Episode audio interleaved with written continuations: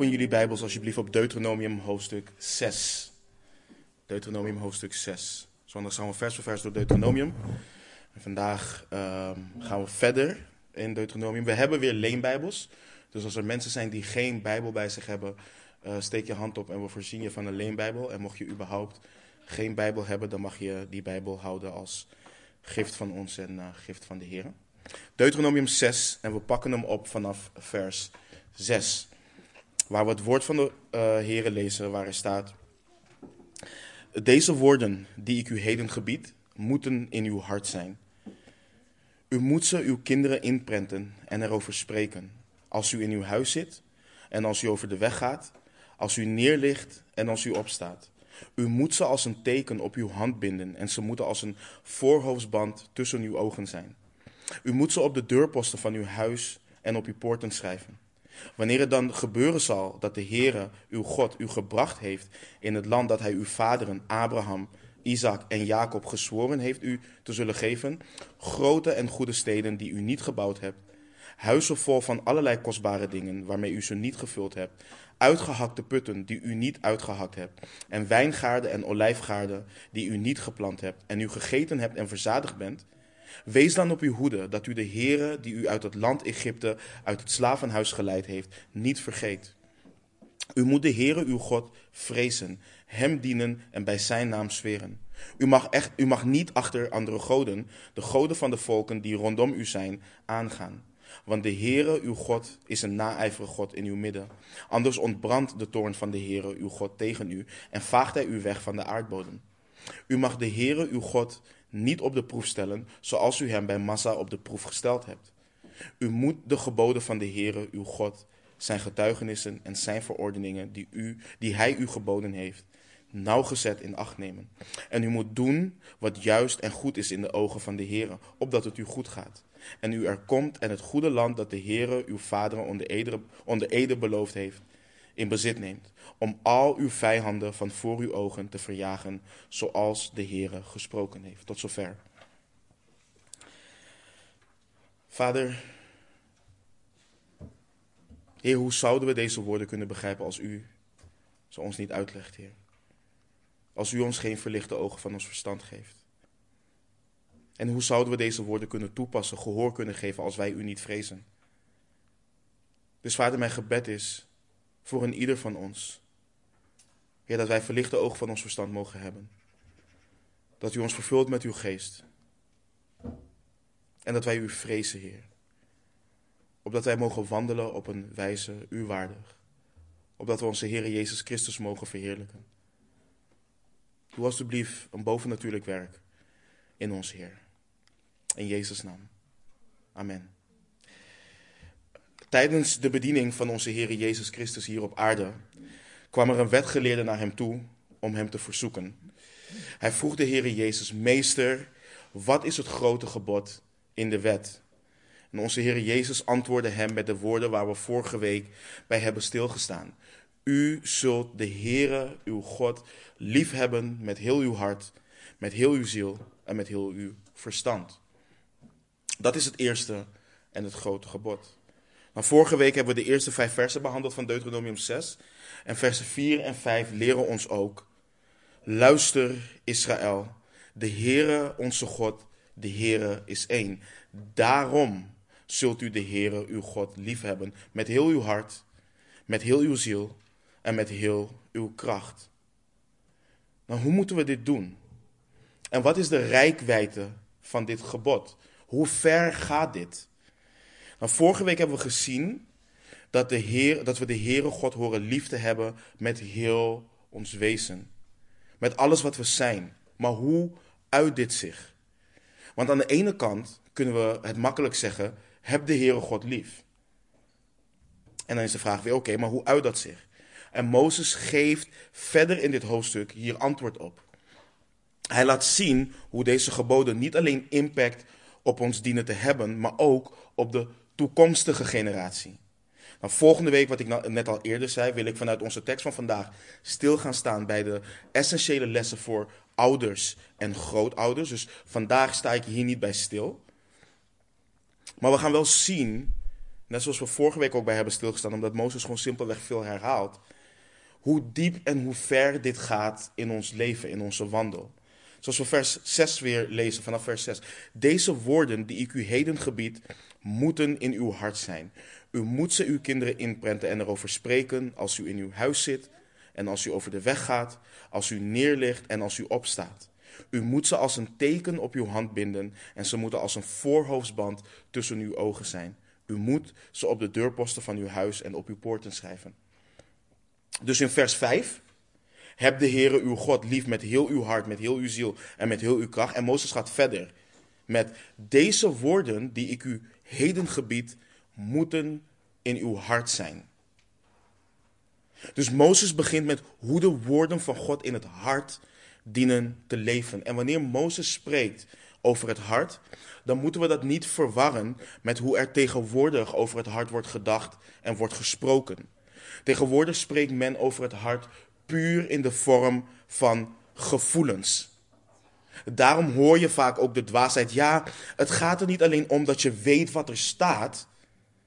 Het moet ook in je hart landen. Je moet het ook voelen in je hart. En broeders en zusters, dat is mysticisme.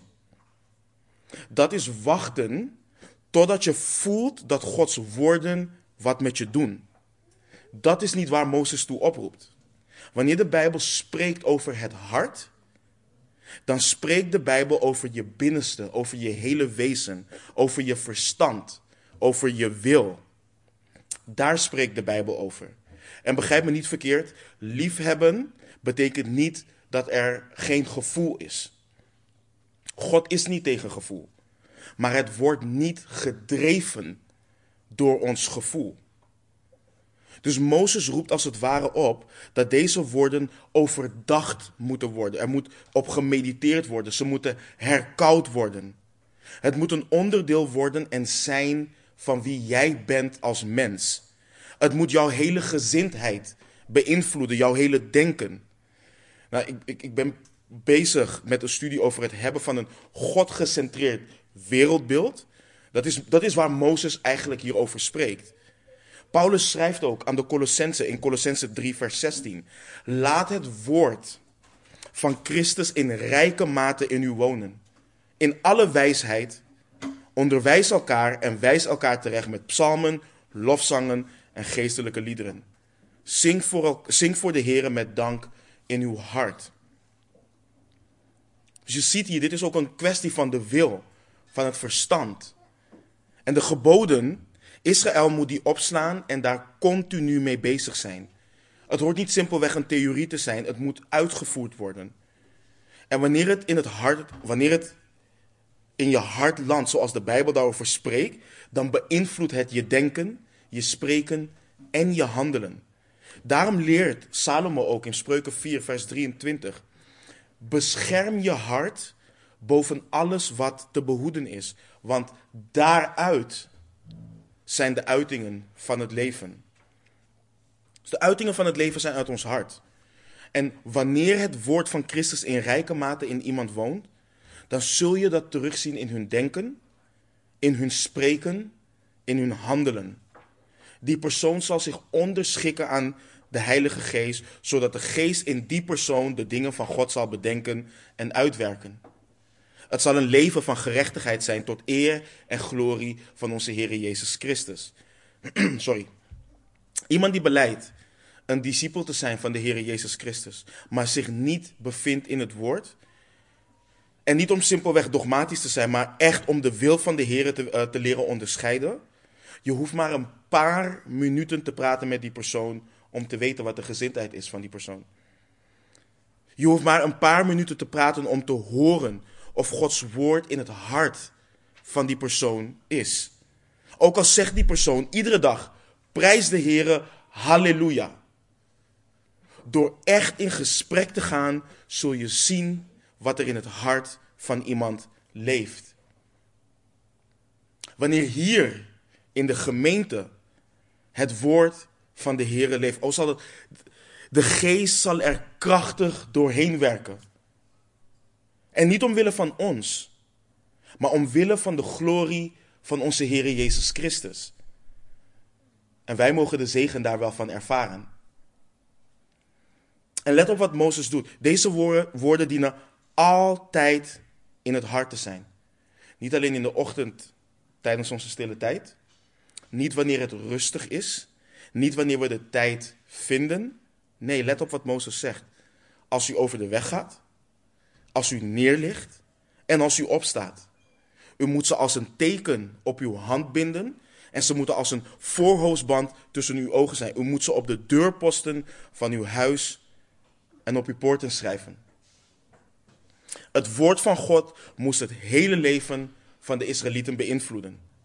Ze moesten er continu aan denken en ze moesten er continu over praten. Niet alleen thuis, ook wanneer ze over de weg gaan. Wanneer ze gaan liggen en wanneer ze opstaan. En ik zei het al eerder over het handelen. Dat is wat, wat Mozes ook bedoelt met, het, um, met als teken op uw hand binden. De Israëlieten namen dit letterlijk.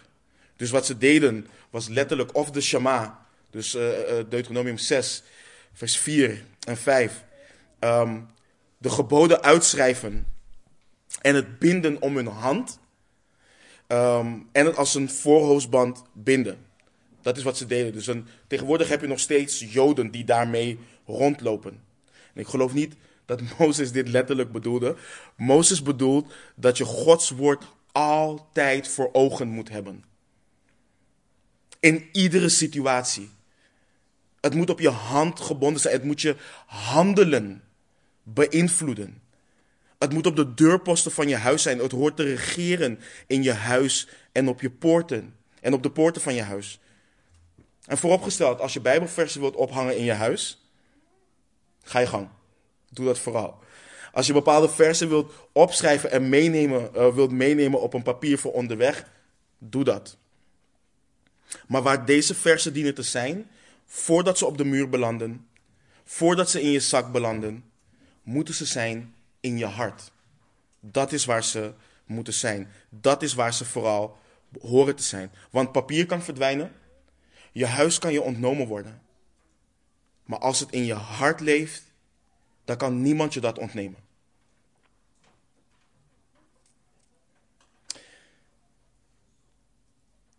Het woord van Christus dient dus in rijke mate in je te wonen, dat je nog steeds kunt leven voor de glorie van de Heer, omdat Zijn geest in en door jou werkt en jou heiligt door het woord. Dit is een belangrijke vraag en volgende week gaan we daar wat dieper bij stilstaan. Maar voor de ouders onder ons. Als het woord van God hoort te penetreren in ons huis, ook met betrekking tot onze kinderen, maar ook voor onszelf. Wat laten wij binnen? Wat laten wij binnen? Wat staat er aan als je bijvoorbeeld een televisie hebt? Wat staat er de hele dag aan? Waar praten we met elkaar over, man en vrouw? Wat leeft er in ons hart? Wat leeft er in onze gedachten? Dit hoort alles te beïnvloeden. Luister, als we naar buiten gaan, dan is het één en al goddeloosheid. Eén en al goddeloosheid.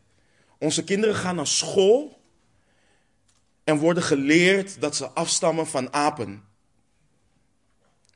Wat horen ze wanneer ze thuiskomen?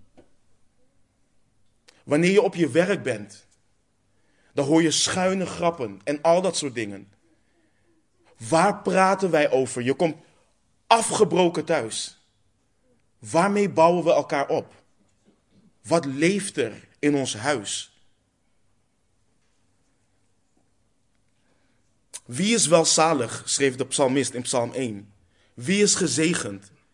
Hij of zij die vreugde vindt in de wet van de Heere en zijn wet dag en nacht overdenkt.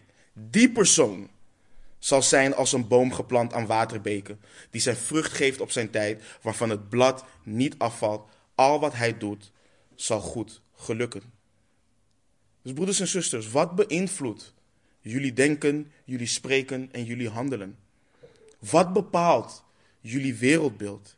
Is het een beetje van Gods woord en je eigen zogenaamde wijsheid?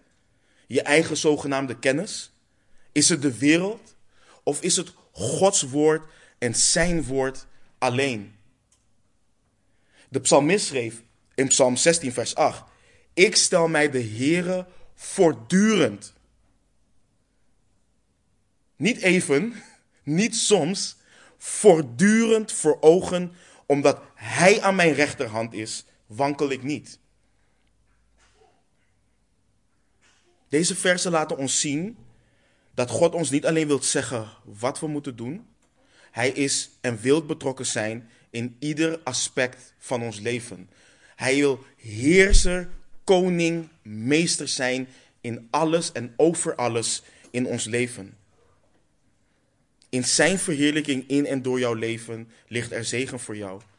Maar hij wil onze onverdeelde toewijding. Hij wil niet dat ons werk in zijn handen liggen, maar ons huis niet. Hij wil niet dat onze kinderen in zijn handen liggen, maar ons huwelijk niet. Hij wil alles. En daarom dienen zijn woorden dus in ons hart te zijn. En dan gaat Mozes verder. En dan, en dan, dan spreekt hij vanaf vers 10. Wanneer het dan gebeuren zal dat de Heere, uw God, u gebracht heeft in het land dat hij uw vaderen, Abraham, Isaac en Jacob gezworen heeft u te zullen geven. Grote en goede steden die u niet gebouwd hebt. Huizen vol van allerlei kostbare dingen waarmee u ze niet gevuld hebt. Uitgehakte putten die u niet uitgehakt hebt. En wijngaarden en olijfgaarden die u niet geplant hebt. En u gegeten hebt en verzadigd bent. Wees dan op uw hoede dat u de Heere die u uit het land Egypte, uit het slavenhuis geleid heeft, niet vergeet. Let op hoe Mozes hen wijst op de zegeningen. Maar let ook op waar die zegeningen vandaan komen en wat hij er allemaal over zegt. Als eerste herinnert hij hen eraan, deze zegeningen, dit land, vloeit voort uit de belofte van de Heere God aan onze vaderen. En niet simpelweg een belofte, God heeft het gezworen. En dit komen we vaker tegen in Deuteronomium. Dit komen we überhaupt vaker tegen in de eerste vijf boeken.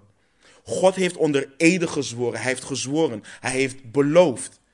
Israël mocht niet en hoefde niet te twijfelen aan wat de Heere God gezegd had te geven. Hij beloofde het aan Abraham. Hij bevestigde het aan Isaac en ook weer aan Jacob. En wat ik bijzonder vind is dat Jacob hier bijvoorbeeld nooit over heeft getwijfeld. Vlak voor zijn dood zei Jacob het volgende tegen zijn zoon Jozef in Genesis 48, vers 4 en daarna ook vers 21. Maar let op wat hij zegt. Sorry, Jacob zegt over uh, de Heer. Hij heeft tegen mij gezegd: Zie, ik zal u vruchtbaar maken, u talrijk maken en u tot een menigte van volken maken. En ik zal dit land aan uw nageslacht na u geven als eeuwig bezit. Let op vers 21. Toen zei Israël tegen Jozef: Zie, ik ga sterven, maar God zal met jullie zijn en hij zal jullie terugbrengen naar het land van jullie vaderen. Jacob geloofde, wat betreft, geloofde God wat betreft zijn belofte. En Mozes is er ook 100% zeker van dat God hen daar zal brengen. Hij weet dat wat God zegt, dat, dat wat God zegt, dat hij dat ook doet. Hij gelooft God. En broeders en zusters, God heeft ons ook heel veel beloofd. Geloven wij de Heere God? Kom vaak beleidende discipelen tegen die worstelen met: Heeft God mij echt vergeven? Ben ik echt een kind van God door geloof in Jezus Christus? Zal ik echt groeien in Christus, geheiligd worden en meer op Hem gaan lijken? Kan ik echt breken met die zonde? En broeders en zusters, ik wil ons bemoedigen, aansporen. Laten we niet dwaas denken en handelen.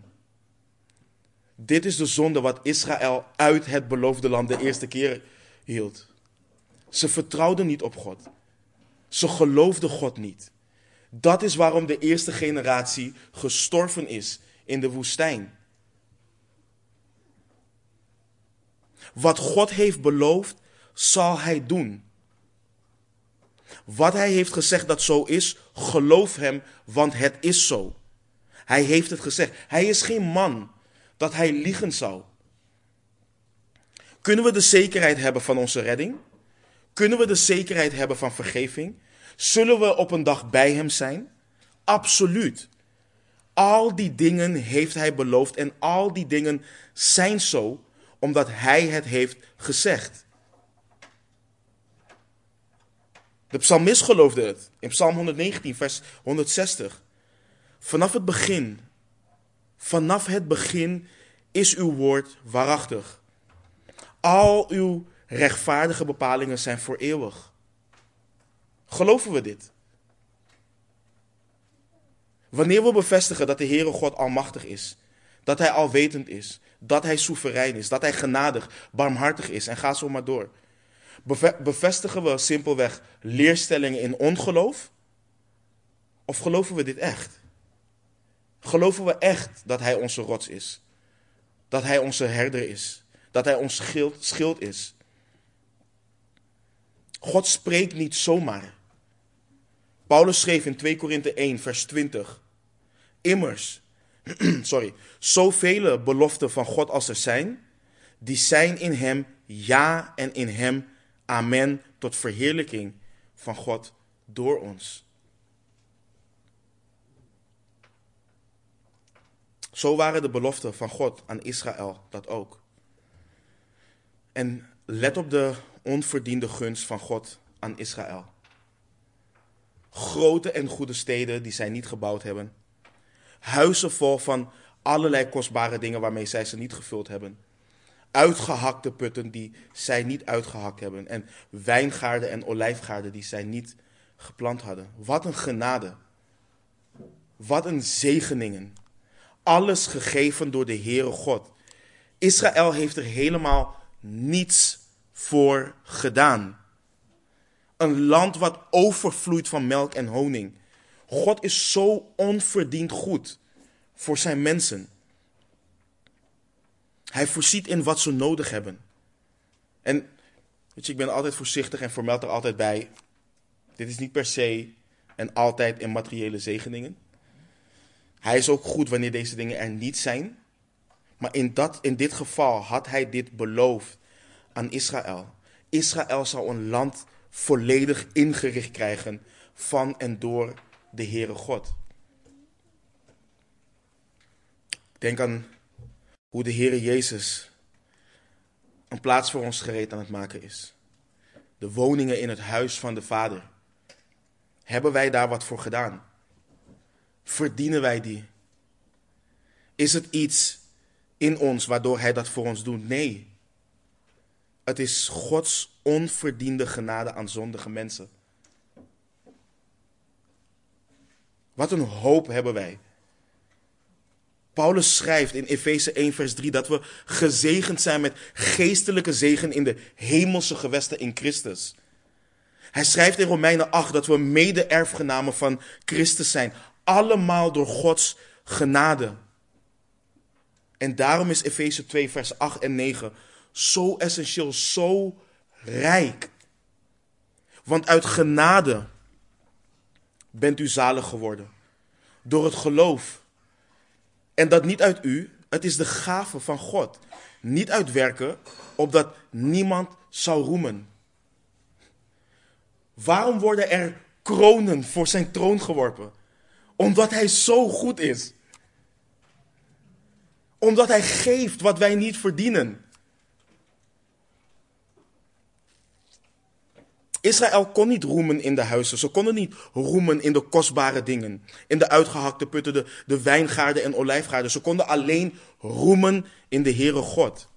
Hij is zo onverdiend goed voor hen geweest. En zo ook voor ons.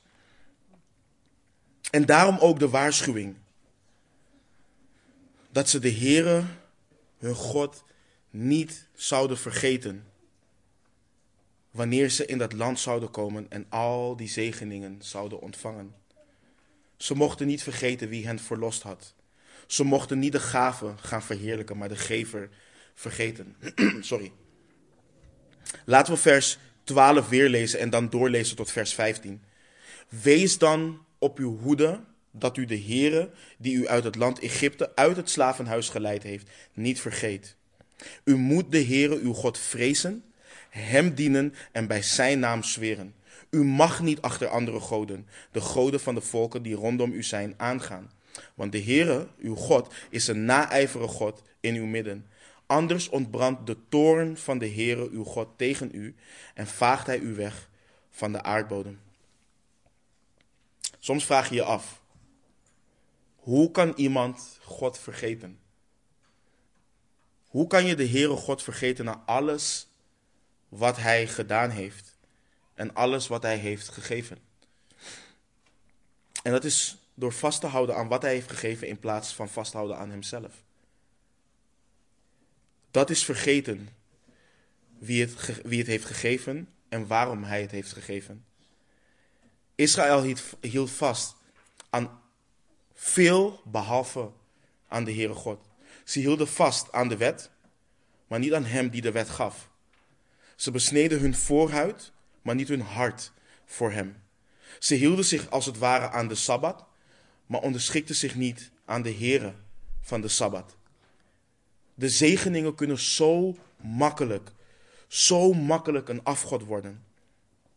En dit betekent niet dat we zeggen: oké, laat de zegeningen maar, zodat ik de Heere God niet vergeet. Dat is niet de houding die we horen te hebben. God is een gevende God. Maar boven alles geeft Hij zichzelf. En er is niets meer dan Hem. Er is niets groters dan Hem. Johannes de Doper had wat, dat betreft een geweldig hart. Hij zag echt vrucht van zijn bediening. Velen kwamen achter hem aan en velen werden door hem gedoopt. Maar zijn discipelen hadden de boodschap niet ontvangen. En dus lezen we in Johannes 3 vanaf vers 26 dat zijn discipelen naar hem toe kwamen en zeiden tegen hem: Rabbi, hij, dus Jezus, die bij u was aan de overkant van de, van de Jordaan, van wie u getuigenis gaf. Let op, van wie u getuigenis gaf. Hij zei: Hij is niet de Christus, Christ, dat is de Christus. Hij doopt en allen komen bij hem.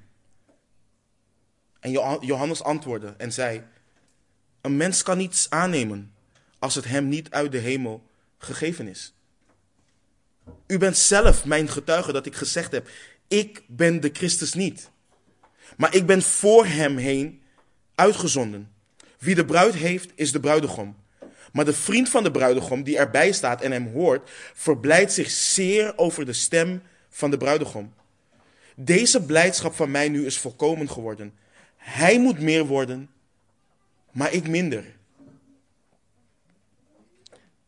Jacobus schrijft in Jacobus 1, vers 17: Elke goede gave en elk volmaakt geschenk is van boven en daalt neer van de Vader der lichten, bij wie er geen verandering is of schaduw van omkeer. De nadruk in dit vers ligt niet op de goede gave, maar op wie het geeft. En wanneer wij zegeningen ontvangen, dan hoort het onze harten te richten op Hem die de gaven geeft. Maar wanneer we dat niet doen, wanneer we God niet vrezen, dan gebeurt exact waar Mozes voor waarschuwt. Dan ga je achter andere goden aan. Ons hart is namelijk altijd gericht op aanbidding. Het is dus niet een kwestie van of je gaat aanbidden. De vraag is wat of wie ga je aanbidden. En Mozes herinnert hen aan wat we eerder in Deuteronomium hebben behandeld. De Heere God is een naijvere God. Hij is jaloers. Hij wil zijn volk voor zichzelf. Met wie zou hij moeten delen? Is hij alleen niet God? Alleen hij is Heer. Alleen hij is schepper. Alleen hij is verlosser en zaligmaker. Zouden wij vandaag de dag achter iemand anders aan kunnen gaan dan onze Heer Jezus Christus? Is hij niet onze goede herder? Is hij niet de weg, de waarheid en het leven? Is hij niet het brood des levens? Is hij niet de opstanding en het leven? Is hij niet de zoon van God? Is hij niet het woord en was het woord geen God? En zou hij dan niet in toorn ontbranden als wij afgoden zouden gaan dienen?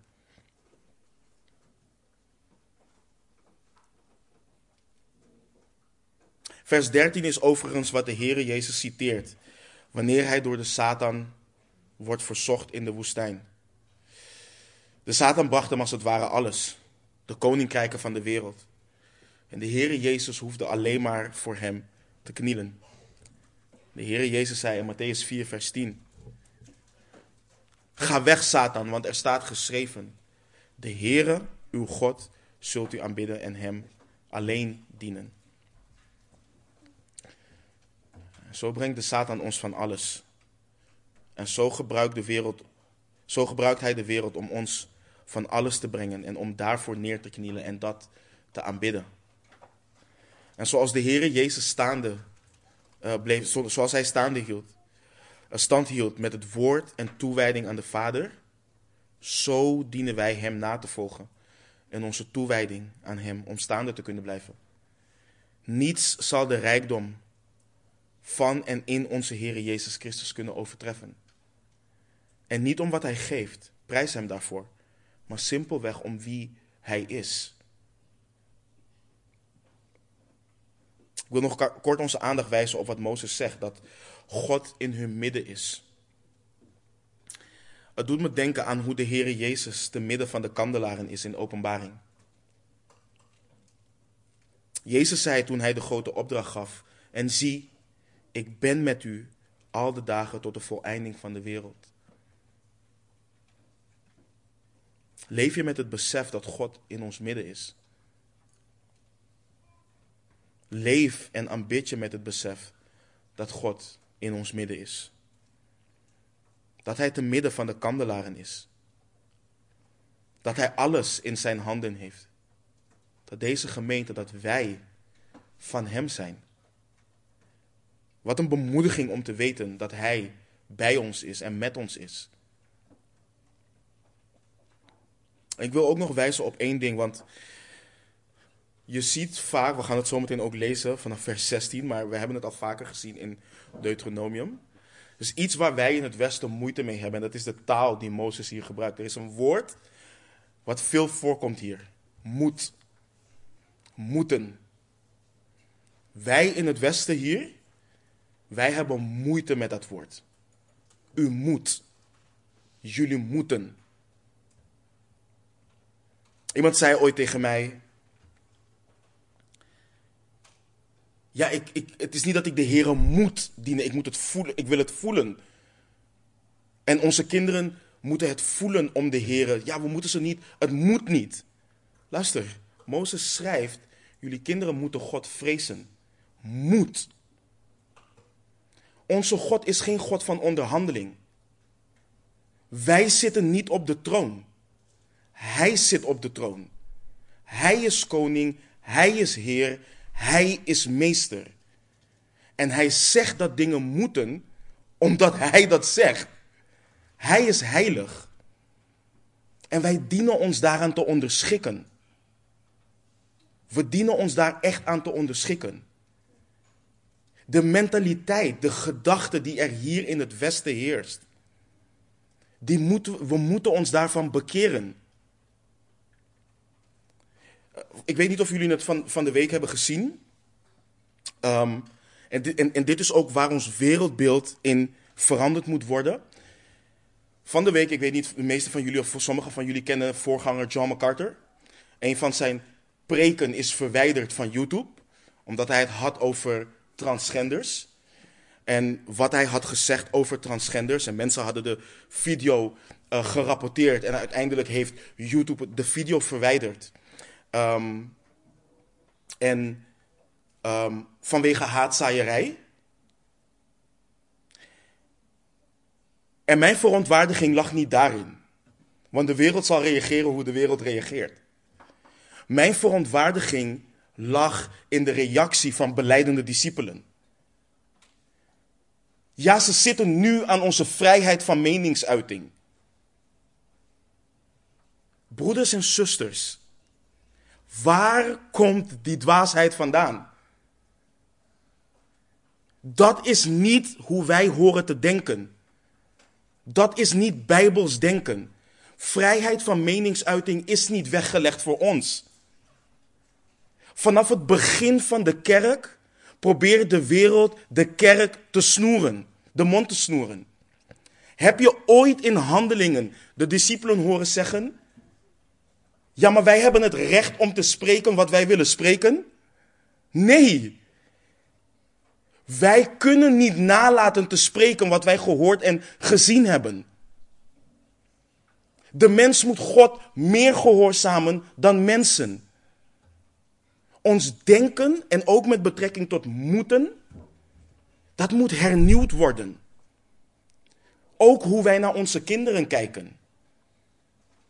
Wie is geestelijk leider van ons gezin? Zijn het de kinderen of zijn wij dat?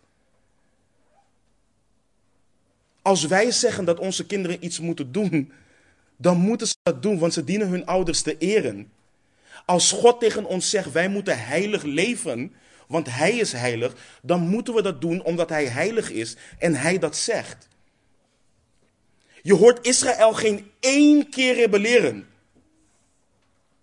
tegen de taal van Mozes. Maar wij hier in het Westen hebben wel de tendens van vrijheid. Onze vrijheid ligt in het feit dat we vrijgekocht zijn als slaven van de zonde. En niets meer. Weet je hoe vrij we zijn? We zijn niet gebonden om toe, om, toe te geven aan ons vlees. We zijn vrij gemaakt door de weg, de waarheid in het leven om in vrijmoedigheid tot de troon der genade te naderen.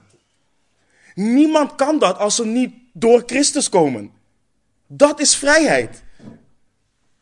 Dat is ware vrijheid. Dus wanneer we ook dit soort dingen zien. Wanneer, bijvoorbeeld, andere dingen, God, God vraagt ons niet. God gebiedt. God spreekt niet op vragende wijze. Wil jij mij lief hebben met heel je hart, met heel je ziel en met heel je verstand?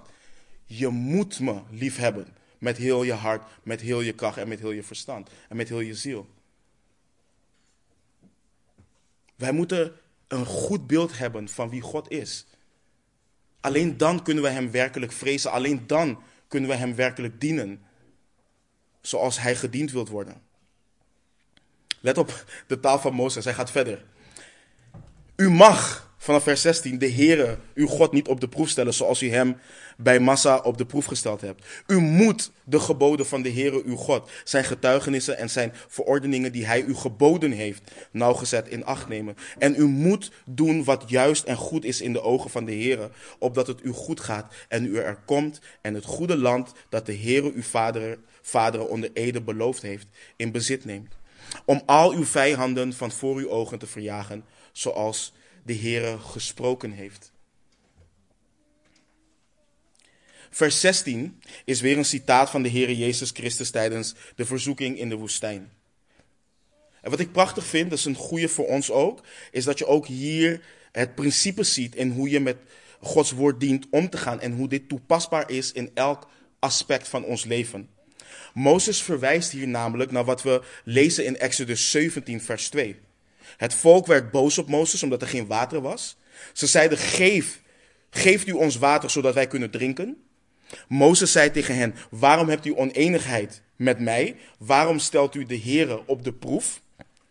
Dus dit is de situatie. Um, en hier spreekt Mozes nu in Deuteronomium over. Maar de Heere Jezus paste toe op de manier waarop de Satan hem verzoekt. En je ziet hier dus hoe ieder woord in de Bijbel, in Gods woord, relevant is. Of het nou Deuteronomium, Hosea, Openbaring of wat dan ook is. Ieder woord is relevant, ieder woord is toepasbaar. Gods woord geeft antwoord op alles en we kunnen ons daarmee verweren tegen alles. Het is alleen met het zwaard van de geest waarmee we kunnen vechten tegen de listige verleidingen van de Satan. Het is alleen door Gods woord in acht te nemen dat we onszelf kunnen beschermen en de Heere God niet op de proef stellen. Maar waar komt het vandaan dat men God op de proef stelt? Want beleidende discipelen doen dit iedere dag. En dit komt allemaal vanuit een gebrek aan geloof, een gebrek aan vertrouwen, wantrouwen. Zit God echt nog op de troon? Is de Heere God nog echt met mij bezig? Pleit de Heere Jezus echt voor mij? En sommigen zeggen dan wel, nee, ik vertrouw wel op God. Het is meer een gebrek en vertrouwen aan mezelf. Nee. Het is een gebrek aan vertrouwen in de Heere God. Je hoort überhaupt niet te vertrouwen in jezelf. En waar? Laat me in Gods woord zien waar en wanneer is de Heere God ooit zijn volk vergeten. Nooit. Nooit. De zalige woorden wanneer Noach in de ark is en God dacht aan hem. Altijd. En ik wil jullie wijzen op wat de Heer Jezus doet wanneer hij de Satan weerlegt met dit vers. Want de Satan gebruikt de schrift om de Heer Jezus te verzoeken. En wat doet de Heer Jezus? Wat zegt hij in Matthäus 4, vers 7? Er staat eveneens geschreven: U zult de Heere uw God niet verzoeken. Let op het woord eveneens. Zien we hoe belangrijk context is. Gods woord kan niet gebroken worden. De schrift kan niet gebroken worden. Zien we hoe belangrijk het is om teksten niet zomaar te isoleren. Zien we hoe belangrijk het is om heel het raadsbesluit van de Heere God te kennen. Want iemand kan naar je toe komen en tegen je zeggen: Je moet in tongen of in talen kunnen spreken. Je moet kunnen genezen. Het is de gave van de geest. Kijk hier, het staat in 1 Korinthe 12. En als je niet weet dat er eveneens geschreven staat in 1 Korinthe 12 vanaf, vanaf vers 28. God nu heeft sommigen in de gemeente een plaats gegeven. Ten eerste apostelen, ten tweede profeten, ten derde leraars, vervolgens krachten, daarna genadegaven van genezingen, vormen van hulpverlening, bestuurlijke gaven, allerlei talen. En dan nu. Zijn zij soms allen apostelen? Zijn zij soms allen profeten? Zijn zij soms allen leraren? Zijn zij soms allen krachten? Hebben zij soms allen genade van, genadegaven van genezingen? Spreken zij soms allen in talen? Zijn zij soms allen uitleggers? Context is belangrijk. Zo ook bijvoorbeeld met het aanpappen met ongelovigen. Ik kan je niet zeggen hoe vaak mensen zeggen: wat voor de mens onmogelijk is, is bij God mogelijk. Of dat God, door, eh, of God geloof kan schenken door dit contact. Terwijl er heel duidelijk staat dat we geen ongelijkspan moeten vormen. Al deze dingen zullen ertoe leiden dat we God verzoeken. En we krijgen duidelijk de opdracht om dat niet te doen. Doe het niet. Niet alleen vanuit Mozes kunnen we dit toepassen, maar de Heere Jezus bevestigt het nog eens. En vers 18 is ook een belangrijke. Israël moet doen wat goed is, wat goed was in Gods ogen. Let op wat er staat. U moet doen wat juist en goed is in de ogen van de Heere, opdat het u goed gaat. En u er komt en het goede land dat de Heere uw vaderen onder ede beloofd heeft, in bezit neemt. Lees goed wat er staat. U moet doen wat juist en goed is in de ogen van de Heere. Israël is compleet voorbijgegaan aan dit principe. Dat zien we in het Oude Testament. Israël deed op een gegeven moment wat goed was in hun eigen ogen. Dit is bijvoorbeeld iets wat het boek Richteren kenmerkt. Let ook op hoe Richteren eindigt. Richteren 21, vers 25. In die dagen was er geen koning in Israël en ieder deed wat juist was in zijn eigen ogen. Weet je wat voor trieste woorden dit zijn? En ieder deed wat juist was in zijn eigen ogen. En in de tijd van de Heer Jezus sprak hij de fariseeën ook aan in Marcus 7 vanaf vers 8. Zegt hij, want terwijl u het gebod van God nalaat, houdt u zich aan de overlevering van de mensen, zoals het wassen van kannen en bekers en veel andere dergelijke dingen doet u. En kijk wat hij zegt. En hij zei tegen hen, u stelt Gods gebod op een mooie manier terzijde, om u aan uw overlevering te houden. Broeders en zusters, wij denken wanneer we dit soort versen lezen vaak aan de echt extreme dingen. De dingen bijvoorbeeld van de katholieke kerk, het aanbidden van Maria, het aanbidden van de paus, de sacramenten en ga zo maar door. Maar dit principe, en ieder deed wat juist was in zijn eigen ogen, u stelt Gods geboden op een mooie manier terzijde om u aan, uw aan, aan uw overlevering te houden. Dit hier, dit heerst in de kerk tegenwoordig. Dit heerst in veel kerken. Kijk naar de manier van evangelisatie van tegenwoordig. We denken, volgens mij hebben jullie het allemaal meegekregen. De, de band Presence die rond Nederland ging. Ik weet niet of ze dat nog steeds doen. En we hebben evangelisatie zoals de Bijbel dat leert, zo opzij gezet, dat we nu prijs de Heer halleluja roepen, wanneer er een band ergens staat en voor, de God gaat, voor God gaat zingen en aanbidden. Mensen geraakt worden door de muziek en denken, dit is evangelisatie.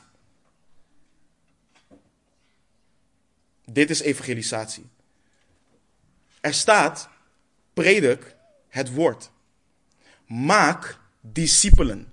Geloof komt door het horen van het woord. We denken door emancipatie en door dingen als inclusie en dat scharen onder je naaste liefhebben om vrouwen, homoseksuelen, etc. in te stellen in het ambt van opzieners.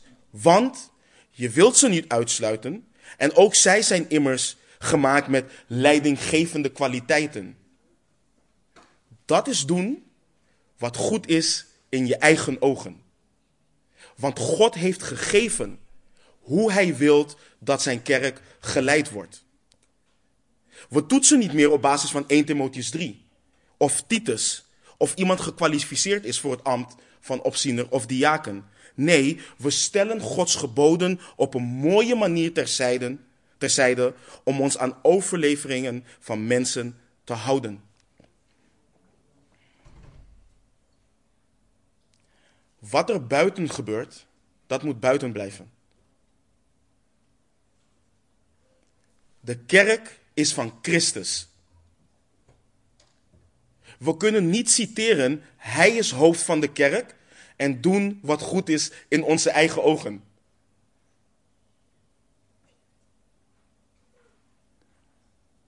Laten we doen wat juist en goed is in de ogen van de Heere God. Laat alles in deze gemeente, laat alles in jullie huis, laat alles bij jou als werknemer of werkgever gereguleerd worden door het woord van God. Laat alles juist en goed zijn in de ogen van onze Heere en Meester. Laat alles tot verheerlijking zijn van onze Heere Jezus Christus. Laat het niet zo zijn dat we onszelf proberen te behagen en dan zeggen dat het voor God is. Nee, laten we doen wat juist en goed is in de ogen van de Heere God. En daarin is het woord van de Heere God de standaard. Niets anders. Wanneer men doet wat goed is in hun eigen ogen, dan spreek je niet meer van een kerk. Want de betekenis van het woord kerk ligt in het feit dat mensen zijn geroepen uit de wereld door de Heer Jezus Christus, leven en handelen onder Zijn heerschappij als hoofd. Dat is de definitie van een kerk. Dat is de definitie van een kerk. Toen Paulus aan Timotheus de um, instructies gaf voor de kerk, schreef hij het volgende aan Timotheus. In 1 Timotheus 3, vers 5, 14 en 15. Deze dingen schrijf ik u, in de hoop spoedig naar u toe te komen. Maar voor het geval dat ik langer wegblijf, weet u nu hoe men zich moet gedragen in het huis van God. Dat is de gemeente van de levende God, zuil en fundament van de waarheid. En ik wil jullie vragen, als het gaat om de kerk, maar pas dit ook toe op alles in jouw eigen leven. Overdenk het wat betreft ouderschap alvast voor volgende week. Is mijn vraag altijd en in alles: wat zegt God hierover? Wat wilt de Heere God hierin? Stel je zoekt een gemeente. Nu zitten jullie hier, maar stel iemand zoekt een gemeente. Heb je een lijst met wensen vanuit jezelf? Of kijk je naar wat de Heere God zegt over gemeentes zijn? Als het gaat om kerkelijke tucht, hebben we dan zoiets van, ja, ik weet het, maar vind toch X, Y, Z. Als dat onze houding is, dan doen we en vinden we wat goed en juist is in onze eigen ogen. En daar heeft God zijn welbehagen niet in. Dat verheerlijkt hem niet. Want God heeft zijn gemeente apart gezet. Hij heeft zijn gemeente geheiligd. Wij zijn getrokken uit de wereld. En de wereld doet wat juist en goed is in haar eigen ogen. De wereld handelt met eigen wijsheid. Die wandelt naar de begeerte van het vlees, de begeerte van de ogen en de hoogmoed van het leven. En hoe zou iemand van de wereld dan ooit komen naar een gemeente en de geest van God werkzaam zien door een gemeente als een ieder doet wat juist is en goed is in eigen ogen? Als we wandelen naar het vlees, dan bedenken we toch de dingen naar het vlees. Dat is wat Paulus schrijft. Maar hij schrijft ook in Galaten 5, vers 16. Wandel door de geest. En u zult zeker de begeerte van het vlees niet volbrengen. Dit, dit geldt voor zowel het gemeenteleven als jouw eigen leven. Paulus schrijft in, in 1 Korinthe 10, vers 11 dat al deze dingen Israël zijn overkomen als voorbeelden voor ons. En ze zijn beschreven tot waarschuwing voor ons. Leren wij hiervan? Of blijven wij halstarrig leven? Door te leven zoals de Heere God het wilt, zou Israël de zegen beërven. Niet door hun eigen ding te doen, en ze moesten het doen zoals de Heere God het had gezegd. En later zullen ze verbonden sluiten met volken, terwijl de Heere God duidelijk heeft gezegd om dat niet te doen. En vergis je niet, Israël zou dat land krijgen. Dat land was van Israël. Dat land was niet, dat was niet afhankelijk van hun. Dat was een belofte van de Heere God, onder Ede beloofd. Of Israël in het land zou blijven wonen, of een specifieke generatie daar zou blijven wonen, dat was afhankelijk van hun gehoorzaamheid. Of Israël nou in ballingschap leefde of niet, dat land, dat was van hun. En vandaag de dag ook. Het is van hun. Want dat is wat de Heere God beloofd had aan Abraham, Isaac en Jacob. En zo, broeders, hebben wij en zusters zegeningen in de Heer Jezus Christus. Wat een rijkdom hebben wij in Christus. En laten we in vreugde en gehoorzaamheid wandelen. En heb je echt de vraag: hoe kan ik de Heere God liefhebben met heel mijn hart, met heel mijn ziel, met heel mijn kracht en met heel mijn verstand? Heb je echt de vraag: hoe kan de Heere Jezus Christus gestalte krijgen in mij? Hoe kan ik mijn leven wijden tot eer en glorie van zijn naam? Laat zijn woord in jouw hart zijn. Laat het in rijke mate in je wonen. En niet puur theoretisch. Laat het je aansporen tot handelen. Omdat je weet dat dit woord gegeven is door God als openbaring van zichzelf. Als openbaring van zijn wil. Laat het in je hart zijn. Laat het je denken, je vormen, je spreken, je handelen beïnvloeden. Laat het je overtuigen, zoals de apostel Paulus overtuigd was in Romeinen 7, dat er niets goeds woont in hem. Niets goeds. Kun je je voorstellen dat de apostel Paulus dit over zichzelf schrijft? Theologisch gezien had die, had die man de beste opleiding ooit. Je ziet aan zijn schrijven dat hij een van de grootste denkers en redenaars ooit was. Deze man had mensenkennis. Deze man wist hoe de wereld in elkaar zat. Hij wist het allemaal. Maar hij beschouwde alles, alles wat hij wist, als vuilheid, als dwaasheid. Waarom? Opdat hij Christus mocht winnen.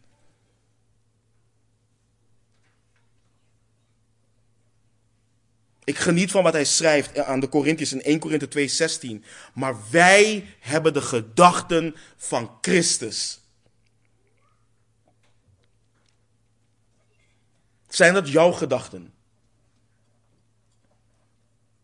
Als het woord van God, als het woord van Christus in rijke mate in je woont, dan heb je de gedachten van Christus. Dat is de enige manier. Als de geest van God in je woont, dan bedenkt hij de gedachten van Christus in je.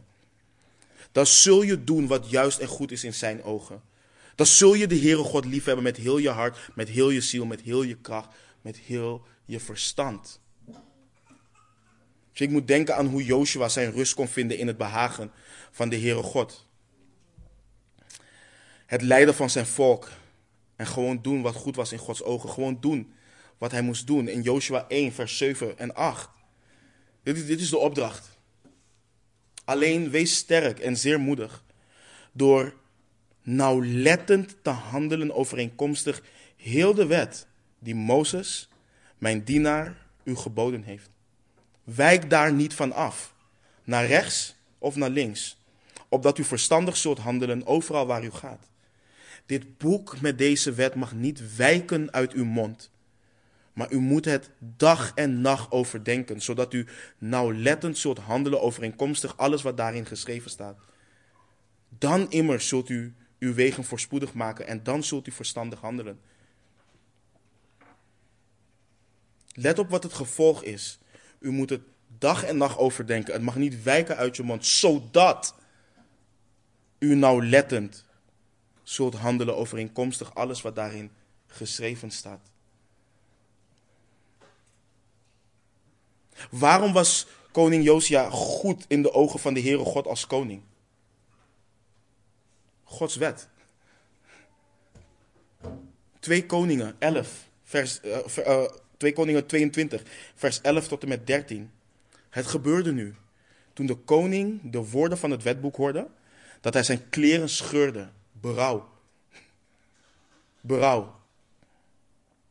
Toen gaf de koning de volgende opdracht aan de priester Hilkia, aan Ahikim, Ahikam, sorry, de zoon van Safan, Achbor, de zoon van Michaia, de schrijver Safan en Asaya, de dienaar van de koning. Kijk, let op wat hij doet. Hij zoekt nergens anders wijsheid. Nergens anders. Ga de Heere raadplegen voor mij. Voor het volk en voor heel Juda over de woorden van deze boekrol die gevonden is. Want de grimmigheid van de Heer die tegen ons ontstoken is, is groot. Die, die tegen ons is ontstoken is groot. Omdat onze vaderen niet geluisterd hebben naar de woorden van deze boekrol. En niet gehandeld hebben overeenkomstig alles wat voor ons geschreven is.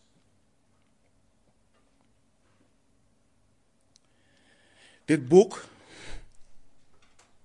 deze zalige woorden. Dit zijn geen woorden om je beste leven te leiden, als het ware. Tegeltjeswijsheid. Dus ik bedoel dat in de wereldse zin van het woord. Dit boek spreekt regelrecht tot je ziel. Want daar gaat het om. Daar gaat het om. Niemand die de geest van Christus niet heeft, is in staat om toe te passen wat hier staat. Niemand. Als de geest van Christus niet in je woont, is dit dwaasheid voor jou. Want ik zei al eerder, de schrift kan niet gebroken worden. Dus je kunt hier niet wijze lessen uithalen voor ouderschap, simpelweg voor ouderschap zonder de Heere God hier te willen dienen. Nee, waarom? Want die kinderen zijn geschenken van Hem. En Hij wil dat je die kinderen opvoedt tot eer en glorie van Hem, zodat ze Hem vrezen. Dat is waarom deze woorden gegeven worden. Hetzelfde met ons huwelijk. Het is niet om een goede man te zijn in de wereldse vorm. Het is met het oog op Christus en de gemeente. Dus of Je neemt dit hele woord aan of je verwerpt het in het geheel. Dat is de enige optie die we hebben. Kies vandaag wie je gaat dienen. Kies vandaag wie je gaat gehoorzamen. Waaraan droeg de apostel Paulus de ouderlingen en de gemeente op in Handelingen 20? En nu, broeders, ik draag u op aan God en aan het woord van zijn genade. Aan Hem die bij machten is om u op te bouwen en u een erfdeel te geven onder al de geheiligden. Wat schreef Paulus aan Timotheus in 1 Timotheus 4, vers 16? Geef acht op uzelf en op de leer. Volhard daarin, want wanneer u dat doet, zult u zowel uzelf behouden als hen die u horen. En zo kunnen we doorgaan, broeders en zusters. Maar ik sluit af. Verheerlijk de Heere God. Maak de Heere Jezus groot. En doe dat niet op jouw eigen manier. Sla acht op zijn geboden. Neem ze in acht. Houd ze nauwlettend. Laat ze in je hart wonen. Laten we bidden.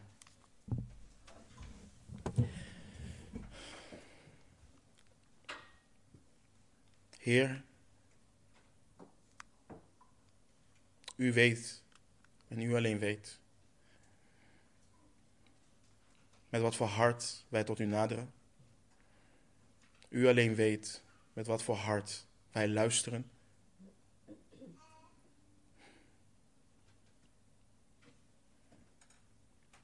Heer,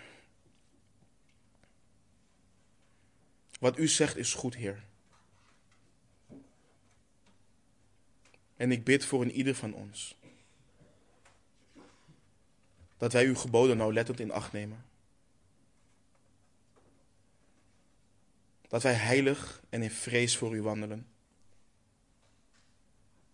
Dat uw geboden in ons hart zullen leven, Heer. Dat ze daarin zullen zijn. Tot eer en glorie van onze Heer Jezus Christus opdat allen u mogen verheerlijken. In Jezus' naam. Amen.